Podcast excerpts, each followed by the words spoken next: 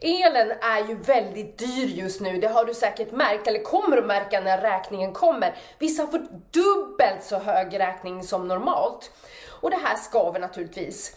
Från oppositionen har man därför föreslagit skattesänkningar på el så att du ska få behålla dina pengar så att du kan betala din räkning.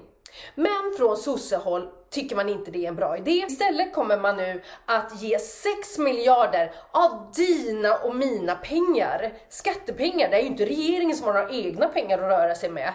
De kommer de att ge till hushållen. Så istället för att sänka skatten så höjer man bidragen och det där är ju så typiskt sossar. Att de vill behålla makten över våra pengar. Det är inte vi som ska styra över vår konsumtion, det är de som ska ha kontroll över hur vi lägger våra pengar. Men det finns annat som skaver med det här förslaget också. Delvis handlar det om att det här bidraget kommer att gå till de som ger av med mest el. De kommer automatiskt att få pengar. Men det är inte alla som kommer att få. Vi som har sparat och gnetat, gått med aggboots och stoppat elelementet under sängen för att det var för dyrt att använda, vi kommer inte att få.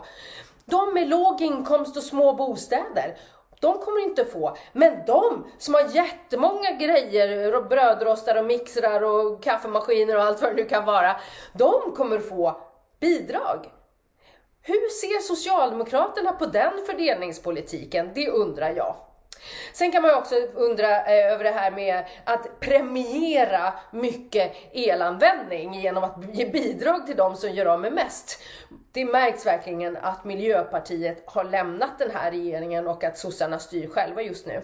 Jag skulle hellre ha sett en skattesänkning, men eh, det där ska vi ju för vänsterpolitiker att göra, för de vill själva ha pengar.